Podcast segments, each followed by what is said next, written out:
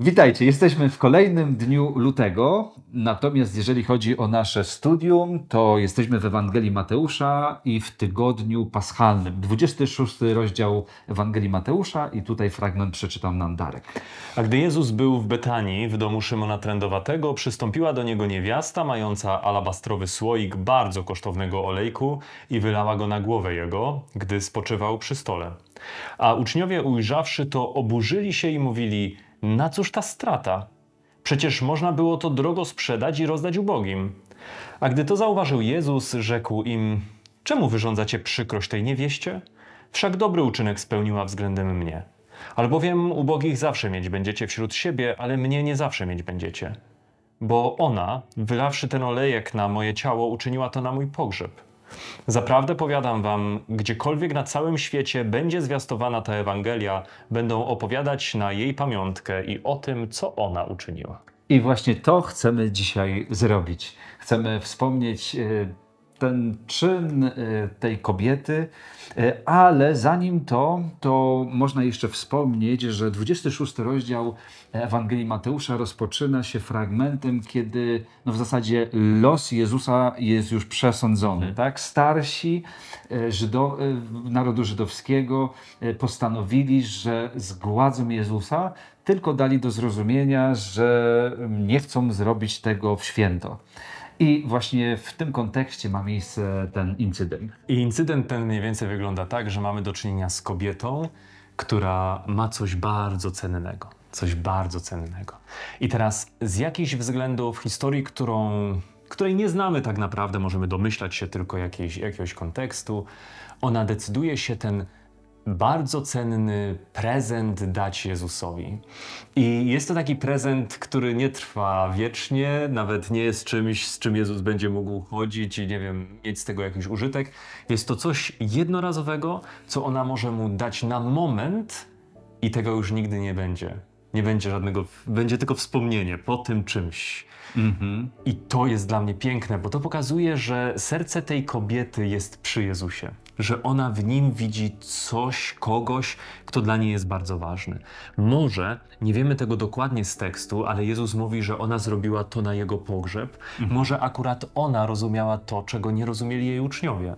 Może gdy Jezus mówił o swoim cierpieniu, śmierci i później zmartwychwstaniu, może ona wiedziała, że to rzeczywiście się wydarzy i w swój prosty sposób to rozumiała, czego uczniowie nie chwytali albo bali się pytać i zrobiła dla niego coś tak niezwykłego, aczkolwiek kosztownego. E, no właśnie, wydaje się, że ona jedyna naprawdę wzięła Jezusa e, za słowo, uwierzyła Jego słowom, bo niejednokrotnie, kiedy Jezus wspominał e, o swojej śmierci, to czytamy takie sprawozdanie, że uczniowie tego nie rozumieli. W Ewangelii Jana w rozdziale 12 czytamy o tym, że ten flakonik tego drugiego olejku kosztował około 300 denarów. A nie tak dawno przecież studiowaliśmy e, przypowieść o robotnikach, robotnikach winnicy, e, z której się dowiedzieliśmy, że zapłata za jeden dzień ciężkiej pracy w winnicy kosztowała e, jednego denara. Zatem można sobie to przeliczyć i powiedzieć, że ten olejek kosztował roczną pensję e, i to tym bardziej nadaje, e, nadaje znaczenie tego czynu. Tak? To nie było 20 zł na nasze, ale e, podsumujcie sobie swoje wypłaty z całego roku i że w taki spontaniczny sposób dajecie prezent Jezusowi w takiej kwocie.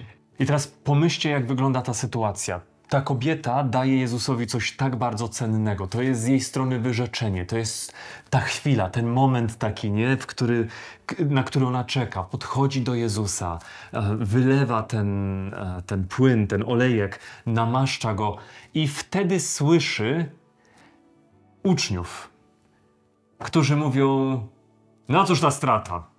Można było lepiej wykorzystać te pieniądze, nie? Jak można było zniszczyć moment, to to jest zniszczenie momentu. To jest.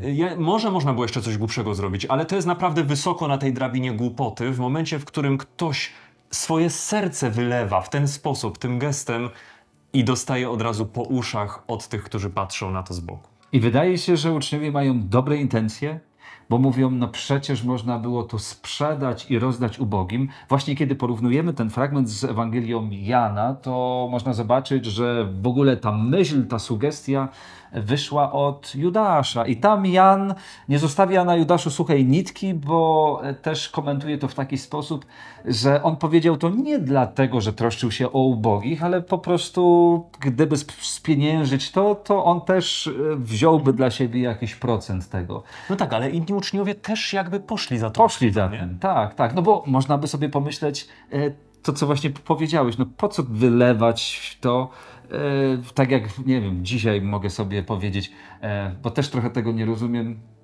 kiedy ludzie na Sylwestra, nie wiem, pakują grube tysiące, tysiące fajerwerki i to jest jedna chwila, prawda? Jedna chwila dla oka, dla jakiegoś tam zachwytu nad tymi fajerwerkami, Natomiast chwila mija i już tego nie ma, nie? I tutaj właśnie oni mogli powiedzieć, no po co? To przecież można te pieniądze lepiej wykorzystać. I teraz ciekawe, że nawet jeśli mają rację, mhm. bo, bo mogą mieć rację, można było je wykorzystać inaczej, można było to sprzedać i pomóc większej ilości osób albo przez jakiś długi okres czasu, ale niezależnie od tego, czy oni mają rację, reakcja Jezusa jest no doskonała i to nie zaskakuje, bo on jest Mesjaszem, ale mimo wszystko jest doskonała, bo Jezus mówi im tak. Czemu wyrządzacie przykrość tej kobiecie? Jaki jest powód tego? Ona podjęła decyzję, zrobiła już co zrobiła, zrobiła to z dobrych intencji, namaściła mnie, o czym powie za chwilę, i mówi: Czemu ją krzywdzicie? Dlaczego, dlaczego jej to robicie? I to jest dla mnie takie piękne, bo pokazuje, że Jezus po prostu znowu troszczy się o tę osobę, która jest krzywdzona, pomimo że nie zrobiła niczego złego w tym przypadku. On dba o jej serce, o serce kogoś, kto zrobił coś ze szczerego serca. No tak. Mhm. No właśnie, ale y, też myślę, że nigdy nie powinniśmy tępić e, tego, y, czy hamować, jeżeli ktoś pragnie wyrazić swoją miłość do Jezusa. Mhm. Prawda? Czasami e, ta miłość może w różny sposób się wyrażać, może czasami nie rozumiemy tego do końca, ale ten fragment nas uczy, że jeżeli ktoś chce właśnie w jakiś sposób wyrazić swoją miłość do Jezusa, nie hamujmy tego, bo jest e, taka, myślę, zasada, że jeżeli miłość, wyrażanie miłości się hamuje, to ta miłość też ma tendencję, żeby zamierać w sercu człowieka. Natomiast jeżeli się ją wyraża, jeżeli się ją e, wynosi na zewnątrz, no to wtedy jakby to coraz żyje i też potrafi zarażać innych, ponieważ ten czyn, który wspominamy właśnie przez 2000 lat, no jest na pewno inspiracją do tego, żeby okazywać swoją miłość Jezusowi. Ale to byłoby straszne, nie? Gdyby gdyby funkcjonować w taki sposób, że przychodzę do ciebie i mówię, Marcin, ty nie możesz w taki sposób kochać. Aha. Ty nie możesz w taki sposób okazywać miłości. Musisz być taki jak ja i robić to tak jak ja i myśleć tak jak ja w tym, w tym kontekście, nie? Mhm. I, I to mniej więcej tutaj się dzieje. Ale Jezus, no tak jak już mówiliśmy, Jezus dba o uczucia, dba o emocje, dba o to, jak człowiek się ma. I nie dba tylko o tamtą kobietę, ale jak rozumiem, dba też o nas teraz, dba o to, żebyśmy my mogli żyć w takim jak najbezpiecznym, jak najbardziej bezpiecznym środowisku, niezależnie od tego, że świat, no cóż, no jest jaki jest. I pewnie nie jeden raz do nas przyjdą uczniowie, może sami będziemy tymi uczniami i powiedzą: Joj, no co za głupia decyzja, czemu robisz takie głupie rzeczy? Czemu zdecydowałeś się na to czy na tamto? Ale z drugiej strony, możemy przecież, jak Marcin powiedział, miłość wyrażać w różny sposób. E, tragiczne również w całej tej narracji jest to, że właśnie Judasz, który no, nie otrzymał tutaj swojego procentu z tej, e, ze sprzedaży tego olejku, e, czytamy, że dalej idzie do arcykapłanów i bierze od nich 30 srebrników za wydanie Jezusa. Można zobaczyć w kontraście te dwie postawy, że jedna osoba potrafi naprawdę wiele wydać, żeby okazać swoją miłość Jezusowi, natomiast Judasz pokazuje zupełnie inną postawę, bo on jest gotowy wydać Jezusa, żeby zyskać pieniądze. Także bądźmy otwarci w, tej, w tym wyrażaniu miłości względem Jezusa i akceptujmy to, jak ludzie mają inną drogę i chcą zrobić to inaczej niż my. No i w tym chyba piękne jest to, że możemy zachować taką szczerość, taką otwartość w kontekście tego, jak ta miłość jest wyrażana. Przed nami czas modlitwy.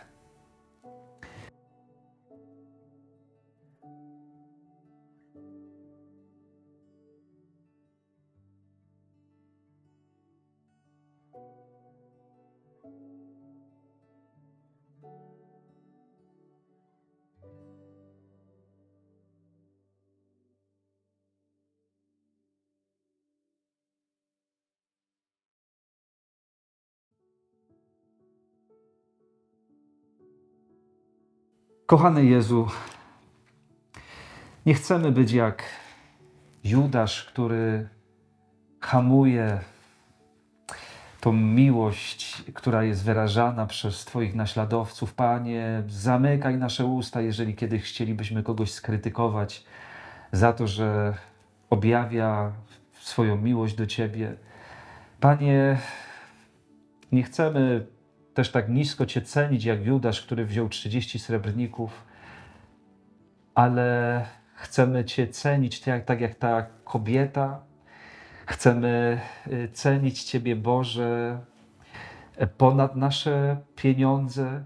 Chcemy okazywać Ci swoją miłość w taki czy w inny sposób. Boże, chcemy też, żeby Twój Duch Święty inspirował nas do wyrażania tej miłości, żeby ona nie zamierała w nas, ale, ale Boże, żebyśmy i y, w tak osobiście, ale też publicznie, kiedy, kiedy nadarzy się ku temu okazja, żeby objawiać Ci swoją miłość, bo to Ty nas pierwszy tak, tak bardzo ukochałeś i dziękujemy Ci za to. Amen. Amen.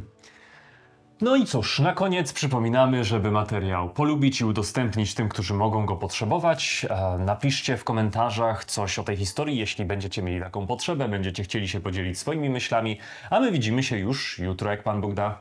Cześć, do zobaczenia. Cześć. Ty, teraz mi się tak rzuciło, że Fajnie, ciekawe, fajnie. nie? No. 30 srebrników.